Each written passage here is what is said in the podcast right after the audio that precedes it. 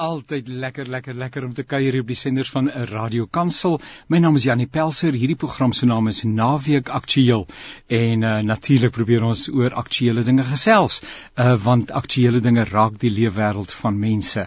En uh, ek sê baie baie dankie dat jy ingeskakel is. Nou ja, dit is uh, soos ek gesê het 'n interessante wêreld. Ek dink aan 'n ou liedjie terwyl ek so sit en myself gereed maak vir hierdie gesprek. It's a very strange world we live in, Master Jack. Jy onthou daai liedjie uit vervloos dit daar nie waar nie. En inter, inderdaad, elke dag is daar 'n nuwe ding op die tafel en dit sit 'n mens se verbeelding aan die gang.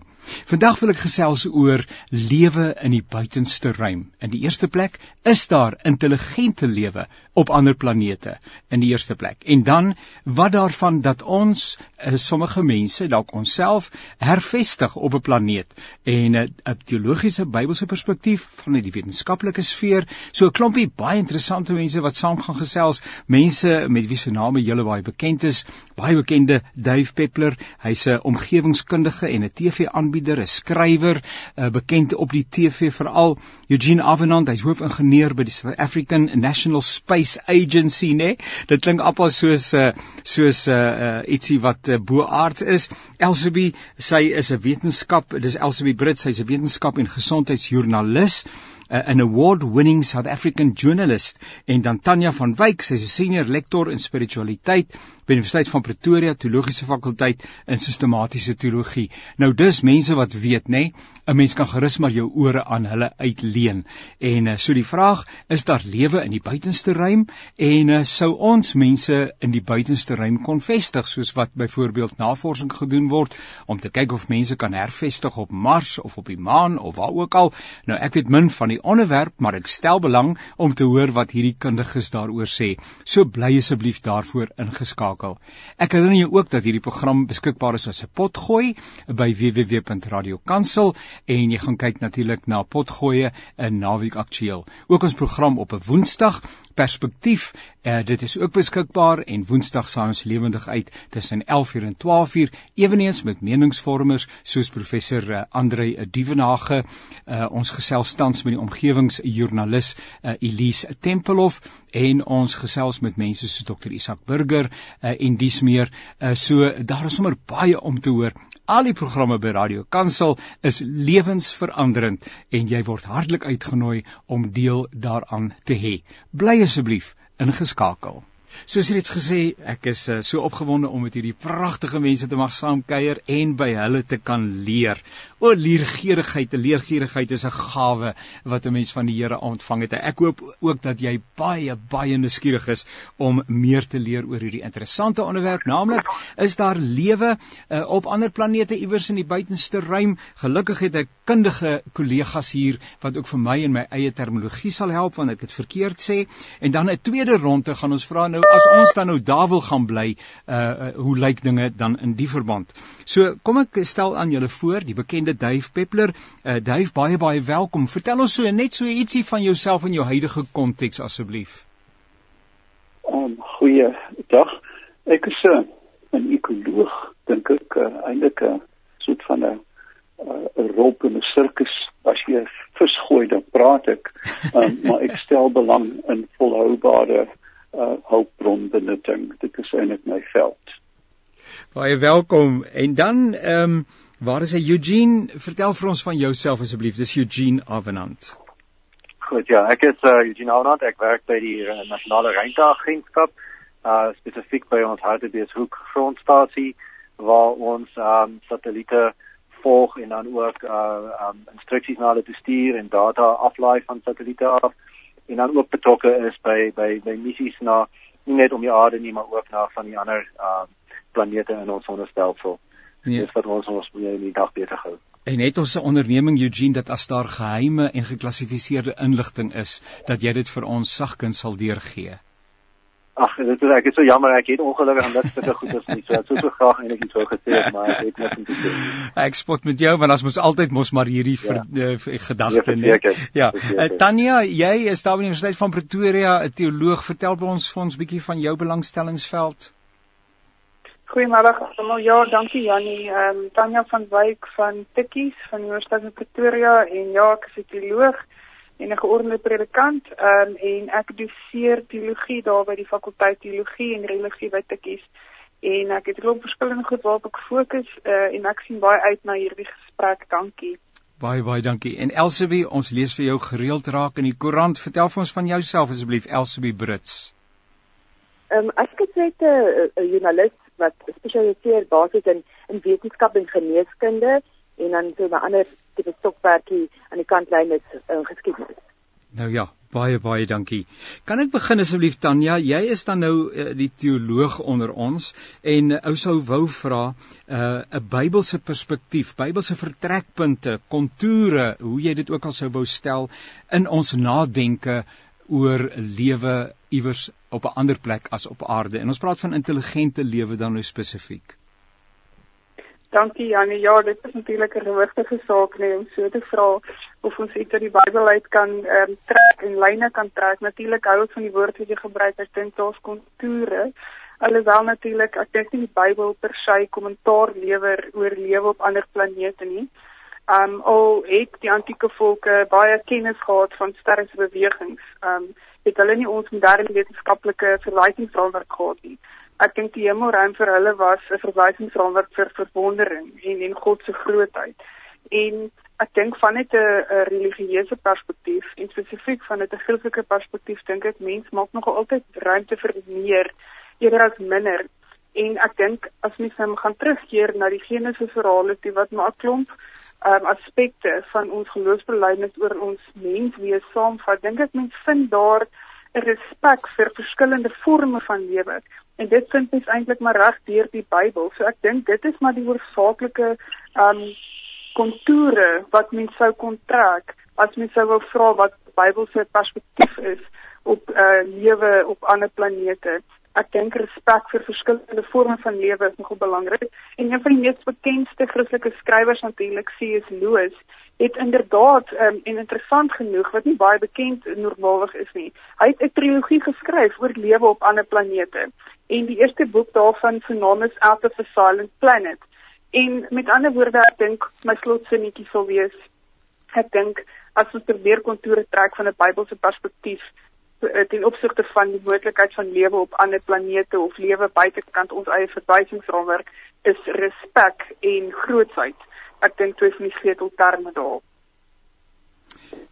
Kan ek dan vir julle vra, ek het 'n um, ander program vanoggend gedoen en uh, waar dit gaan oor die politiek en die ekonomie uh en oor daai tipe van dinge uh, wat tans in die Suid-Afrikaanse konteks aan die gebeur is en hoe dit ons lewens raak.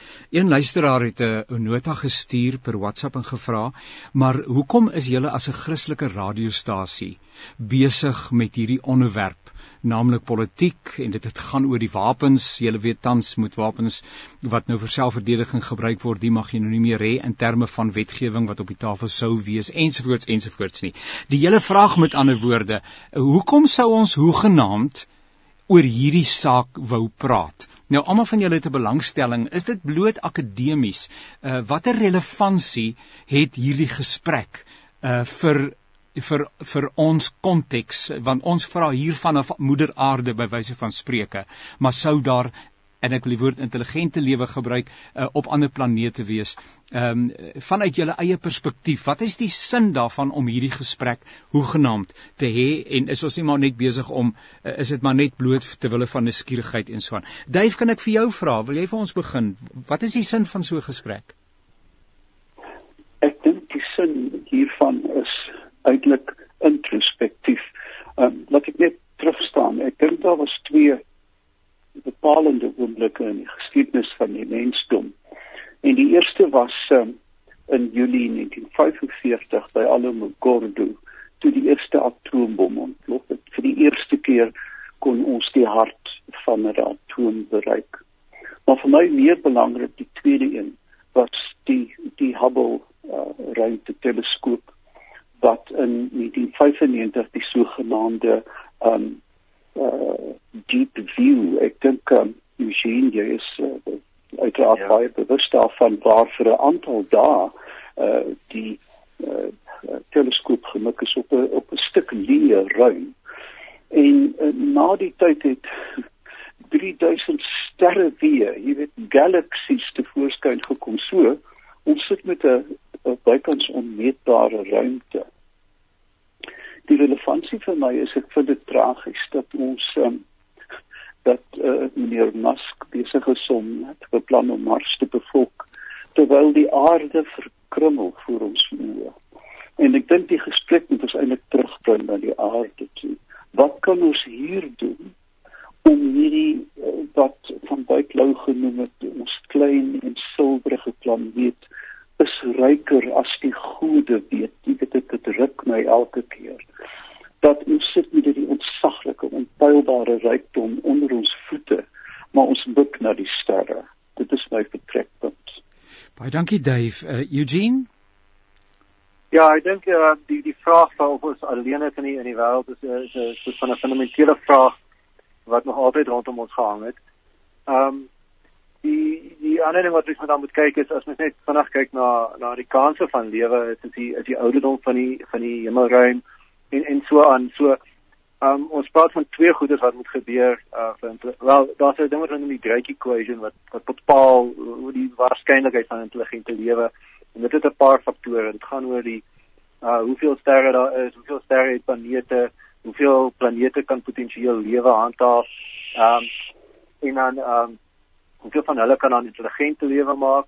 Maar dan is daar ook 'n ander ding wat sê wanneer het dit gebeur? Want ons ons ons uh, die wetenskap sê ons uh, ja dat al reeds uh, amper 14 miljard jaar oud. En ons as as as uh, mense is maar vir die laaste 200 000 jaar op die aarde uh, uit die wetenskap. So so dat die kans dat daar intelligente lewe iewers anders in die wêreld was in die verlede of in die toekoms gaan wees is is is nog daar. Um en en dan is daar ook die probleem dat ons ons heelal heeltyd besig is om te groter te word. So daar's 'n sekere deel van die van die heelal wat ons nooit sal kan bereik nie want hy is vinnig besig om ons vinniger die voet van lig weg van ons af te gaan. Um, so ons sal nooit weet wat in daai area van die hemelruim gebeur nie.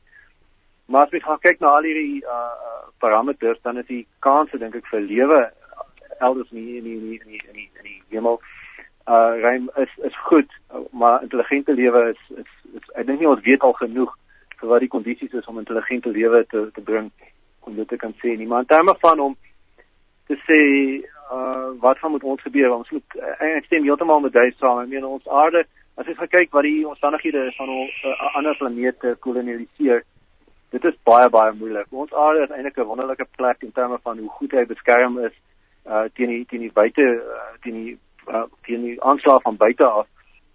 En ja, ons moet uh, ek dink dit is baie maklik om ons aarde op te pas om na ander een toe te gaan. Ehm um, maar terselfdertyd het ons dan ook hierdie hierdie kataklismiese bedreigings soos uh groot asteroïde wat die aarde kan tref of meteore wat wat wat die lewe kan uitwis op die aarde of dan uh, weet jy apokaliptiese goeie soos gamma straal uitbarsting van die aarde tref en so aan. So in daai geval het het wat ons op die aarde doen nie eintlik enige impak nie. Ehm um, en dan kan mens dan Elon Musk se idee van om 'n twee planeet spesies te word het het hou dan sekere sekere waarde in. So dis net so vinnige paar idees van my af. Ja, baie dankie eh, Eugene. Uh, Elsabie, jy skryf oor die goeters. Uh die sin van hierdie gesprek. Help vir ons asseblief. Ek dink daar's um, baie sin om hier oor hierdie goed te praat want net soos wat die wat ons op die aarde nie uh, apart staan van die wonderlike ekologie waarin ons leef nie, is die aarde tog 'n um, deel van 'n sonnestelsel en dan van 'n groter heelal ons ons is tog nie in isolasie met alles wat rondom ons aangaan nie.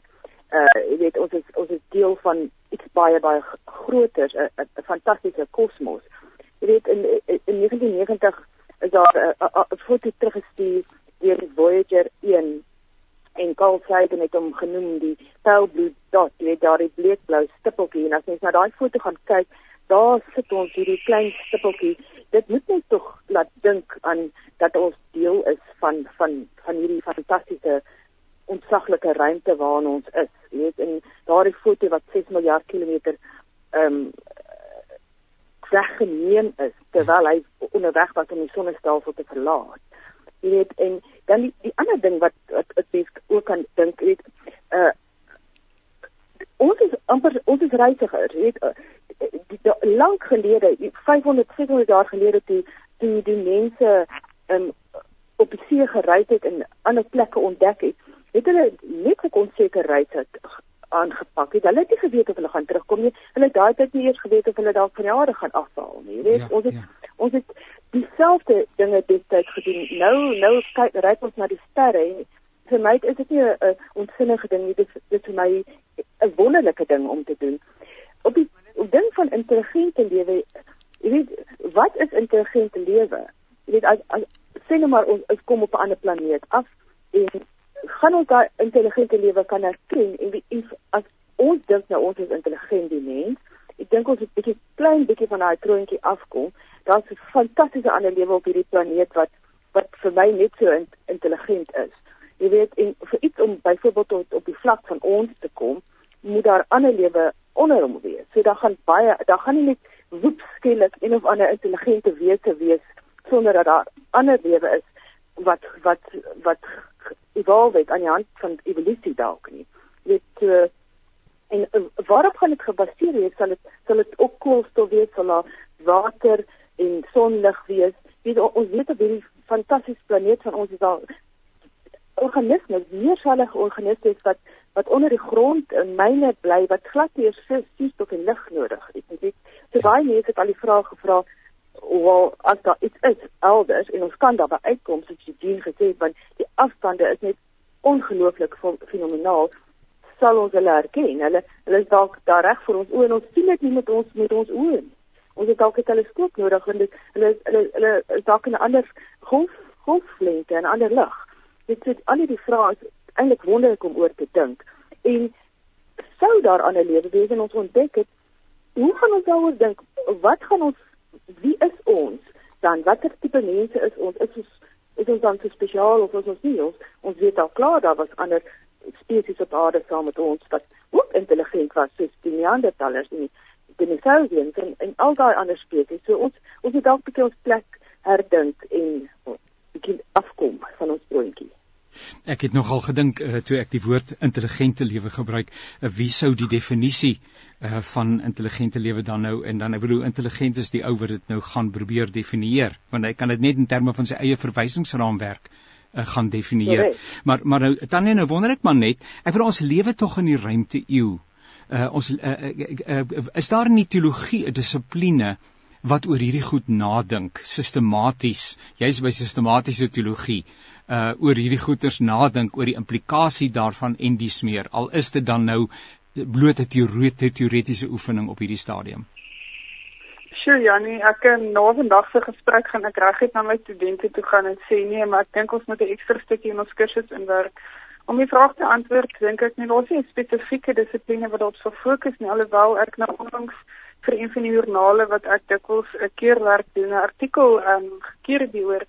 So daaroor dink ek was twee vak kleiner vakgebiede binne in groter teologie waar dit sou kon tuiskom en as ek na die res van die kollegas luister wat ek vandag praat, dan bevestig dit my vermoede en die een is die een van teologiese antropologie. Dit word alsoos wie nou gesê het in opsigte van ons eie plek ken en weet 'n uh, nederig wees in opsigte van die mens eie plek. Nederig wees oor die hele verstaan van wat intelligente lewe is ons weet net nie dat 'n plant nie intelligent is nie. Wie wie dit vir ons om te sê? En al hoe meer navorsing byvoorbeeld sê vir ons dit. So ek dink in opsigte van teologiese antropologie is dit definitief iets wat so iets sou kon tuiskom.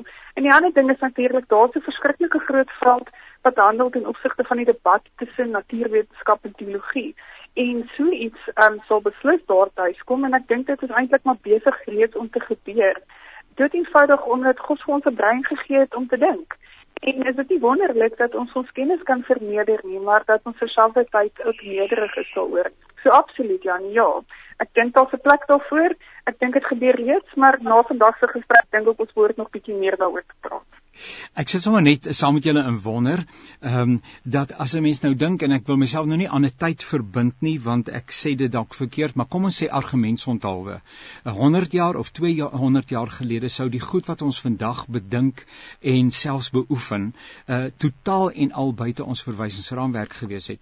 En tog was daar mense wat sketse gemaak het en stories vertel het en fantasieverhale geformuleer het uh en mannetjies ge gemaak het en allerlei figuurtjies soos wat jy op die winkelrakke vind byvoorbeeld wat bloot verbeelding is maar ek wonder of dit nie ook 'n stukkie profetiese vooruitskouing is nie dat dat dat dalk tog 'n klomp mense is uh, wat iets aanvoel uh en en begin inhoud gee uh, wat eers later vir ons blyk toe glad nie so ver gesog te wees nie. Ek ek ek, ek kyk nou uh, in nie dat ek uh, enige intelligensie in die verband het nie, maar as 'n mens na hierdie ruimteverhale kyk en ons is op die oomblik kyk ek en Suzette op Netflix na Salvation wat min of meer oor so oorlewingssituasie nadink op aarde.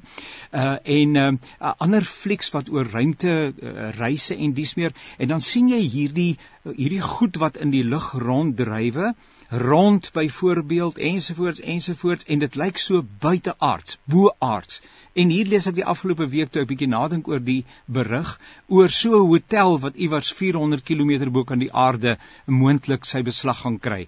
En die ding lyk net soos die goed wat ek in fantasieverhale raak gekyk het en raak gelees het. Wat ek probeer sê is is die ouens wat hierdie goeters in hulle gedagtes bedink dalk nie profeties besig om inhoud te gee aan iets waarheen ons in elk geval op pad is nie. Ek weet nie Eugene Helbetjie. Ja, ek dink dit is deel van daai ding van ek dink ons wil almal graag hê dan moet ehm um, dan moet intelligente lewe daar buite wees en ons ons ehm um, ek dink dit gaan daaroor dat ons, ons wil nie voel ons is alleen in die in die hele in so groot ehm um, so so groot universe nie. Ehm um, en en en en maar gelukkig van die goeie soos soos die die die die gedenk die denke wat gegaan het rondom so byvoorbeeld die Space Hotel waarvan jy nou gepraat het. Ehm um, men ons kan ons kan al alreeds lank 'n hele tyd terug kon gekonseptualiseer het van hoe so iets behoort te werk al kon ons dit nie self vermaak het nie. Ehm um, jy noem self nou dat uh, 100 jaar terug kon ons baie van hierdie goedes nie as uh, enigstens ons verbeel het nie, maar nou uh, mense so so onlangs as so laat is 1990 het ons ons eerste eksoplaneet ontdek, 'n planeet wat om 'n om 'n ster anders as ons son uh wentel en intussen het ons al reeds oor die 4000 van hulle intussen ontdek. So dit wil vir ons al sê dat dat ehm um, die kondisies vir planeetvorming en lewevorming anders anders in die in die hemelruim is is is goed en en en, en dit soort van ehm um, maak dalk dat hierdie hierdie gevoel van alleenheid wat ons het dalk aangespreek gaan word hier van 'n tyd. Dave, ek hoor graag jou stem. Wat dink jy? Ja, ek um, ek, ek dink aan die, die pragtige beskrywing van Stokkenstroom, van Stokkenstroom uit haar gekreusde aarde. Ek dink ek haal dit reg aan. Waar sy sê alles is eers wanneer beskryf. En hier eh, doen ek natuurlik ouer gewoonte beroep op die wetenskap. Met ander woorde dit wat ons weet, die wetenskap is bloot gesistematiseerde kennis wat selfregulerend is dit wat ons weet. Nou ja, dit wat ons natuurlik gee ons vrye teels om hipoteses te vorm oor oor intelligente bestaan elders in Eugene ek sê graag hoor wat jy dink daarvan. Ek dink mens moet ook 'n klein bietjie versigtig wees om uit te blaker in die ruim. Hier is ons, jy weet ons het Voyager gestuur. Ek dink Carl Sagan het die goue um plaat aangebring met 'n aantal kodes, jy weet musiek en wat ook al. Veral wat ons weet, is ons naaste bure uiters aggressief en jy weet oor 100 jaar werk ons in uh uh platinum myne om 'n om 'n ander volk om 'n ander uh intelligensie ja. te dien. So jy weet daar is 'n uh, die die die dis so baie soos die Here se genade, die moontlikhede van van 'n ja. ander bestaan. So ons moet versigtig wees en en ons be, bepaal by wat die wetenskap vir ons voorlopig sê. En as dit verkeerd is, sal die wetenskap dit regmaak in teenstelling met dogma. Elsevier, ja, ek ek sien ja, saam met daai ja. daai ek wil net vinnig geantwoord het ja. Ehm um, Stephen Hawking het ook het ons ook gewaarsku dat teen dat ons dalk nie so so graag met met met ander uh intelligensie te doen wil hê nie want hulle is dalk nie so vriendelik nie. Um ons self nie ons ons eie trek rekord is ook nie fantasties nie. Mensdom en dit is al klaar 'n stryd om 'n oorlewing hier op moeder aarde. Nou weet ek nie as ons nou nog 'n uh, een of ander duistere mag van uit die toekoms uit of vanuit die ruimte ook nog moet uh, probeer uh negotiate soos die Engelsman sê, gaan dit nog 'n uitdaging wees. Elsipie, uh, sommer ietsie van jou kant af in die verband?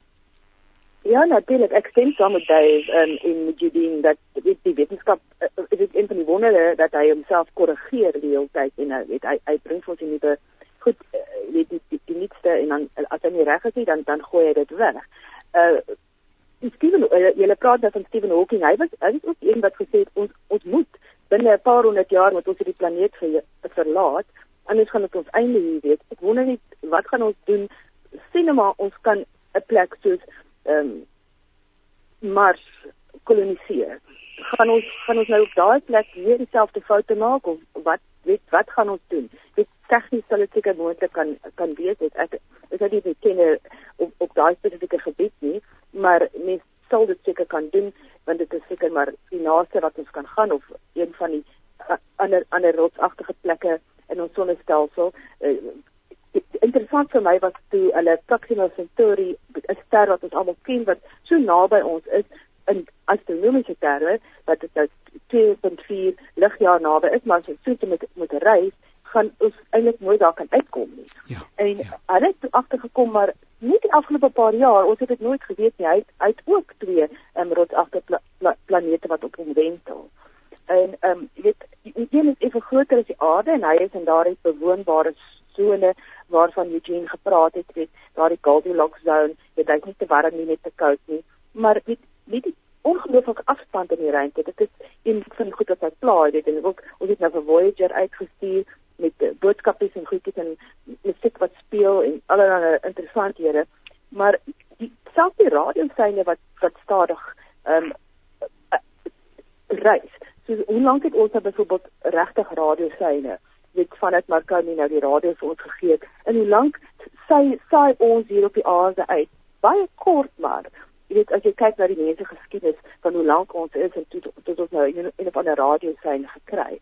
So soms binne daai konteks al sou ons nou dalk van hande gebiede kry, weet hoe lank het hoor hulle ons al en wat is die kans dat hulle ons gehoor het?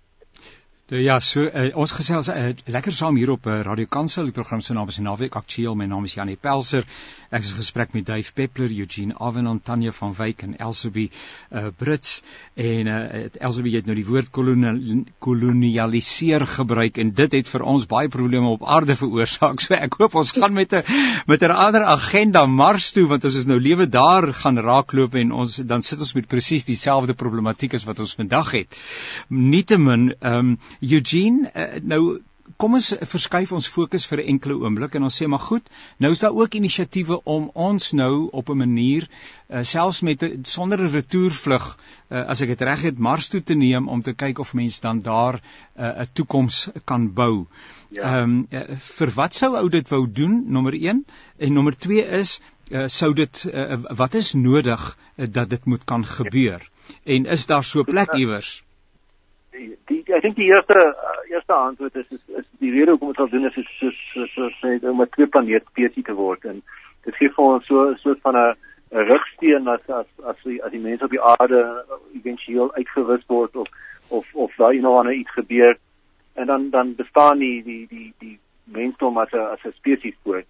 Um maar as ons vinnig gaan kyk, uh, Mars is nou die beste kandidaat vir ons om te koloniseer as ons nou nie die maan gebruik nie en en dit is 'n moeilike plek om na toe te gaan. As ons gedink het aardverwarming is 'n probleem, uh maar sou dit ehm um, na na 'n sonnespoel piknik lyk op hierdie stadium.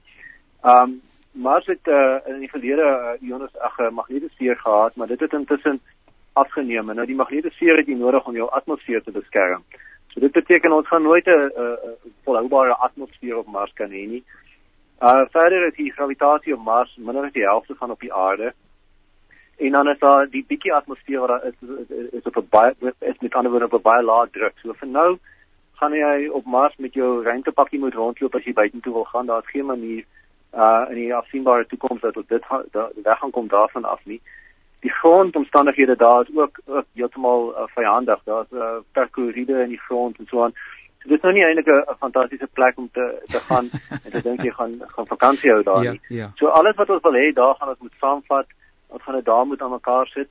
Ehm um, daar is moontlikhede om goed soos water en suurstof te onttrek uit die uit die uit die hulpbronne daar uit. Maar maar ongelooflik moeilik uh, in vergelyking met hoe maklik ons het op die aarde op die oomblik. Ehm um, dan is daar natuurlik nou ander probleme is, is hoe lank dit vat om daar te kom. Jy kan net een keer elke 3 jaar ehm um, dit is maklik om daar te kom en dan vat dit nog steeds omtrent 9 maande om daar te kom. Kommunikasie tussen die aarde en die Mars is uh, minute tussen 3 en 20 22 minute vir 'n boodskap om in een rigting te trek. So as mens gedink het dit moeilik om 'n om 'n WhatsApp gesprek te voer of 'n telefoongesprek, ehm um, uh, dink net daaraan as jy as die persoon aan die ander kant eers 22 minute later jou kan hoor en dan nog antwoord en dan nog 22 minute later hoor jy sy antwoord. So dit gaan maar 'n bietjie moeilik. Ehm um, so ja, daar's beskikbaar baie uitdagings om op 'n plek te master bly. Ehm um, so ek dink nie in die in medium termyn gaan ons met met groot massas mense daar kan opdaag nie en dan om om die die werk wat ons moet doen om 'n volhoubare volhoubare stelsel daar te hê, dink ek ons nog 'n bietjie werk om te doen uh voor ons daar gaan uitkom. Ek ek wonder Duif, sou jy ehm um, jou plek wou bespreek vir so vlug om uh, te te herlokeer op 'n ander planeet en daar 'n toekoms te probeer bou? Ek sal enigiets betaal om nie te gaan nie. Ehm um, kom kom ons dink 'n bietjie aan wie wie gaan besluit wie mag gaan? Ek weet kan jy jou indink jy uh, na uh, jy sien na 'n paar maande se reis kom jy by 'n voordeur van 'n 'n klein uh iglo-agtige woningkie en Donald Trump maak die deel op Richard Branson. Ek wie op aarde gaan besluit. Ja. En gaan daar 'n verteenwoordigende aantal boere uit die Kamiesberge toegelaat word om Mars toe te gaan. En ek dink hier lê 'n ernstige probleem, 'n demokratiese probleem dat um, dit dit, dit voel my totaal absurd. Ek ek wil dan terugkeer na my openingsstelling. Ja, die, ja. die aarde is byna onredbaar gekleus. En ons as ekoloë verstaan die prosesse. Ons weet presies wat gebeur, maar ons kan niks daaraan doen nie want ons is nie ingenieurs nie. Dit is die ingenieurs wat die aarde moet regmaak. Die die manne wat die wat die stelsels vir uh, volhoubare energie. Um die die kortpad na na na saligheid op aarde en te gee van Mars is om 'n 'n leerstoel tussen die ekologie en die ingenieurswese te vestig sodat dat dit dat toegewyde ingenieurs hierdie foute vir die vir die ekologie kan regmaak. En as ons die ondenkbare groot bedrae wat nou spandeer word aan die verkenning van ander planete uh, nie sal stop sit nie want dit boei my soos almal maar 'n gedeelte van hierdie geld aan aan hegpleister vir die aarde spandeer gaan ons baie baie verder kom Sjoe, jy sê dit so pragtig, die aarde is onredbaar gekneus. Elsabie, as ek nou so dink, sal ons maar presies dieselfde op 'n ander, kom ons veronderstel, dis wel moontlik in in die woord kolonialiseer sou waarskynlik presies beskryf wat in ons harte leef, want dit sou nie lank wees nie en dan ons daardie habitat ook uh misbruik soos wat ons die aarde misbruik het sodat ons dalk weer moet herlokeer uh, na 'n ander plek toe absoluut. Ek ek, ek glo die die mense is regtig 'n verwoestende spesies. Ehm um, en ek is oortuig daarvan my hart of ons die aarde gaan kan omdraai. Ehm um, ek ek hoop so. Ek ek het nie elke dag die beste geloof in mense om om dit te doen nie. Ek ek glo wel dat ons dat die mens op 'n stadium sy voet op Mars gaan sit. Of ons daar 'n groot kolonie gaan setlaars gaan hê, ek weet nie ek sou dan baie graag daarom ek is heeltemal te oud om om um maar te gaan. Ek dink ek sal doodgaan halfpad in die reis. Um maar ek sou dan regtig graag maan toe wil gaan of daarmee die planeet wil verlaat en die aarde wil sien van van 'n ander van 'n ander hoek af. Ek weet ek het al heeltyd 'n paar met met 'n paar ruimtevaders onderhoude gevoer en hulle sê dit dit het almal verander en die manier hoe hulle verander het dat hulle die aarde gestuur het nie met grense en as lande nie. Dit was net uh, die aarde. Ja. Daar moet jy 'n grens nie kan sien. En ek dink dit is een van die belangrikste goed wat mense kan wegneem van van so 'n ervaring is die aardige grense wat ons op die aarde gemaak het. Want dit is een van ons grootste probleme. En hulle het daai ding gesien toe hulle die, die aarde gesien het net as 'n plek en hulle het die kleure gesien en die natuur. Dit is dit, ek dink dit is een van die essensies. Tanya, ehm um, binne die konteks van die teologie, as jy dink aan die wat bekend staan as die kultuuropdrag, uh wat God vir Adam en Eva gegee het uh, reg aan die begin om hierdie aarde te bestuur, nie soos wat ons dit gedoen het as mense nie, maar uh, binne die regte verstaan daarvan uh, uh, om dan nou uh moontlikhede te ondersoek in die buitenste ruim, sou dit steeds binne die kultuuropdrag val? Is ons steeds besig met uh, want die wetenskap is ook tog deel van die opdrag wat God aan ons toevertrou het nie waar nie. Absoluut Janie, maar die probleem is natuurlik dat daai kultuuropdrag deur dekades en eeue se mense so verwring is en so in diens van hulle eie belange misbruik is dat ons inderdaad sit met die gemors wat ons vandag het wat ehm um, Dave en Elfie na verwys het. So ehm um, in 'n opsig sou dit seker kon wees in opsigte van as ons sê dat dit God se opdrag is wat ek glo dit is om dit wat vir ons gegee is om te na om te sien, op te pas en God op daardie manier in dit wat ons gegee is te reflekteer. Wat sou beteken mededeelsamheid, nederigheid, um versigtigheid, um respek vir dit wat jy gegee is wat nie in die mens se geskiedenis um te voorskyn kom nie. As dit deel is van die kultuuropdrag om op daardie manier um ons kennis uit te brei en met belangstelling uh, na uh, mense wat ander is, lewensvorme wat anders is as ons uit te reik, dan kan dit beslis deel wees van die kultuuropdrag, maar daai kultuuropdrag is maar taamlik verwring deur die eeue en as dit sou deel wees van so iets, sou dit beteken dat ons sit sou onder serious ehm um, soos die Engels sê vergrootglasse moes plaas sodat ons ordentlik kan kyk aan wat dit regtig beteken want um, ons het maar ongelukkig in geskiedenis bietjie sleg met dit omgegaan. Ek wil graag en baie dankie. Ek ek dink ons beweeg na die einde van ons program toe, maar ek het tog 'n versoeking om net vir Eugene te vra. Ehm um, die spesifieke uh, reeks wat ons nou op die oomblik kyk, nou een rede hoekom ons daarna kyk is uh, daar is min uh verskriklike geweld en min verskriklike gevloek en dis deesdae omtrent uh die spyskaart wat 'n ou en baie van die uh, vertonings het.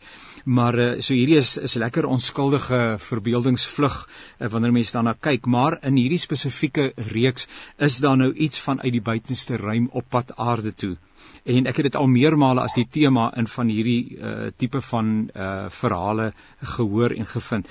Die die moontlikheid van so iets, is dit bloot teoreties of is daar 'n moontlikheid dat so iets die aarde kan tref en inderdaad 'n totale 'n to, die totale lewe op aarde kan uitwis? Ja, verseker is daar 'n moontlikheid, gelukkig redelik klein. Um I mean op 'n daaglikse basis word kom maar kleinerige meteoriete in die in die in die atmosfeer in, maar die grootes is is het, het ook 'n kans om te kom. Um en in daai opsigte is uh, al die groter agentskappe in die wêreld besig om um wat hulle noem space situational awareness as 'n as 'n as 'n tema aan te spreek waar hulle gaan soek na hierdie kandidaate van wat uh moontlike kataklysmiese uh effekte kan hê op die aarde. NASA het so onlangs as ek dink uh, of ek dink dit is al gewees ek nie seker nie. So onlangs oor 'n week of wat gelede 'n simulasie gedoen van wat ons kan doen uh van op watter stadium ons uh so iets um uh, waarneem en sy sy traject bepaal en wat ons kan doen en so aan in die in die, in die uitslag van hulle simulasie was nou nie fantasties nie. Ja. Uh groot deel van die wêreld se bevolking is uitgewis deur daai ene. O aarde. So maar daar is 'n aktiewe uh, werk in in al die groot agentskappe rondom die eerste in eerste plek om waar te neem of daar so iets op pad is en dan ook oor wat mens kan doen daaraan. Um en dit gaan alles daaroor dat uh, vroeë waarneming is die is die belangrike ding hierso. Hoe vroeër jy dit waarneem, hoe meer tyd het jy om iets aan te doen. En um maar, as ons praat ja. oor dit baie, baie groot goeders um dan is die enigste manier wat ons dit kan uh, ons met die traject baie goed bepaal en dan moet ons die traject net net genoeg varieer dat die dat die ding op die aarde sal mis. Um so ja, nee, dat dat 'n hoë bewustheid daarvan. Uh en ek dink um ja, en dis ek sê 'n klomp agentskappe werk uh, rondom dit. Elsbie, was dit jou stem wat ek gehoor het? Ja, dit is absoluut waar, maar mense onthou op hierdie aarde was hy al 5 in groot massa uitwissings gewees in in ons ja. geskiedenis. Dit is nou nie die ander kleiner is nie. Ja. En um die dinosourusse is 'n groot voorbeeld daarvan toe 'n uh, massiewe stuk rots in Yucatan Peninsula getref het en dit dit is toe hulle tot die einde gekom het en dan is daar ook 'n ander groot massiewe uitwissing 200 ehm um, 52 miljoen jaar gelede wat hoofsaaklik ehm um, die die soort die agterge reptiele ehm um, uitgewis het in 'n klein klein groepie van hulle het oorlewe en hulle het uiteindelik die soogdiere geword wat ons geword het. So dit is 'n interessante deel van ons geskiedenis. Sê nou maar dit het gebeur nie sou ons sou hier gewees het. Ja. In in die hele evolusie verhaal so dit het en dit het groot groot um, hoeveelhede diere uitgewis tot 90% van die in die daardie heel groot 1 tot 90% van die diere in die, in die see en 70% op land. En um, van die ander was natuurlik weet dit is 'n ripple effek soos hy tref en dan het vulkane en dan het tsunamies en dit allerlei natuurlike rampe. So die kans is skraal vir die Eugene sê dit word baie goed gemonitor maar dit is nie 'n onmoontlikheid nie. Nou maar ek sê baie baie dankie. Kan ek uh, vra vir 'n slotopmerking asseblief uh, uh, Dave Peppler? Ek sal graag hoor uh, net so samevattend wat 'n leef in u hart op hierdie stadium. Ek wil ek van buiklou weer aanhaal uit sy silwerig planeet. Jy weet baie slit ek sny die brood en drink die wyn en hou my hart van goeie rein. Ek wil hier lewe. Ek het 'n matelose belangstelling in die ruimte en fisika en abstrakte fisika want dit dit boei my. Dit hierdie die moontlikheid van 'n parallel universum. Maar wat ek wel weet as ekoloog dat as ek in Rwanda diep in die oë van 'n bergkorella kyk of in die in die koel hart van die nag in die Karoo oeverkomyn sien, dan wil ek nie Mars toe gaan nie wat ons hier het is so onvervangbaar en so kosbaar dat ons elke greintjie energie moet spandeer om te behou wat ons het. Dit is so pragtig. Baie baie dankie uh Dave Peppler vir u deelname. Uh Eugene, kom ons hoor so slaat laaste opmerking van jou kant af. Ja, van van van my kant af, um 'n paar vinnige gedagtes aan die een kant het ons wetenskaplike vermoë uiteindelik 'n uh, beter idee gegee van al die bedreigemente wat van buite af kom. So dis dis 'n bedekte seën aan die ja. maar ek weet dat duif onder andere die versekering gee dat as ingenieurs dink ek is daar 'n uh, wil om om om te help en te so te voor gesê het ons planeet is die is nie wat wat wat reeds lewe kan ondersteun en en is dus so die onus is op ons om hom op te pas. Ehm um, dit gaan regtig baie moeilik wees om op 'n ander planeet uh kolonies te skep. So ehm um, dan wil ek verseker gee dat omtrent al die agentskappe spandeer meer van hulle tyd en geld daaraan om terug te kyk na die aarde toe en en, en die tegnologie te gebruik om baie van hierdie ekologiese vrae te probeer aanspreek. So ek dink as ingenieurs as die wil daar om om om eers na ons eie aarde te kyk, maar terselfdertyd te sien is die ambisie daar om te sien of nie die ambisie die die die die die die wonder daar om, om te kan kyk na wat elders in die, in die hemelruim gebeur. Eugene baie baie dankie. So lekker om jou te gesels Eugene Avenant. Uh Elsabie, kom ons hoor van jou kant af Elsabie Brits. En ek dink ek, ek ek verstom oor om te leer oor die wetenskap en nie elke dag te te hoor wat ander mense doen en uit te vind. Ek dink my laaste gedagte oor die aarde is dat dit ehm um, weet dat ons miskien die bestuur van die aarde of heers oor die aarde verwar het met die met die idee dat ons eintlik rentmeesters moet wees. Ja. Ons moet opsigters wees. Ons moet kyk na ja. mekaar en en na die ekologie en dat ons daai kop skuif moet maak van van die heerser na 'n rentmeester toe. Ja. En omgee vir dit wat wat op die aarde saam met ons is, van die kleinste tot die grootste. Absoluut. Jy sê dit so mooi. Ons moet kyk na mekaar. Baie baie dankie Elsabie Brits vir jou deelname. Tanya van Wyk, uh, so laaste gedagte van jou kant af. Dankie Janie. Ja, ehm um, wat 'n voorreg om na almal te luister en ehm um, van my kant af dink ek my laaste opmerking is ek is 'n dromer. Ek het 'n verskriklike groot verbeelding en dit is natuurlik ook verbonde aan uh, my spesifieke uh, geloofsverwysingsraamwerk. So ek stem saam met Dave en ek hoor wat Eugene sê en dit wat alsite sê is ontsettend belangrik, maar van my kant af gaan ek moet aanhou om na hemelruim te kyk met verwondering en te uit te sien en te hoop na iets groter en dit wat my verstand te bowe gaan. So absoluut. Ek gaan ander droom en ander met verwondering na die sterre kyk. Tanya van Wyk Universiteit van Pretoria Teologiese Fakulteit. Dave Peppler, Eugene Avenant, Tanya van Wyk, Elsbie Brits. Dit was 'n heerlike, heerlike tydjie saam met julle. Baie seën binne julle eie konteks, dit waarmee julle elke dag besig is en bly asseblief ook in hierdie tyd in die besonder gesond. Baie dankie en totsiens. Nou ja, daar het jy dit. Ek wonder hoe dat uh, die bydraes van ons geëerde gaste, uh, Dave Peppler en Eugene Avenant en Elsabie Brits en Tanya van Wyk jou perspektief oor hierdie saak dalk verander het of bevestig het, wat dit ook al mag wees. Baie dankie dat jy ingeskakel was. Dit is vir ons 'n voorreg om saam te kuier. Ek uh, herinner vir jou dat uh, ons graag van jou hoor. Dis vir ons altyd baie baie lekker.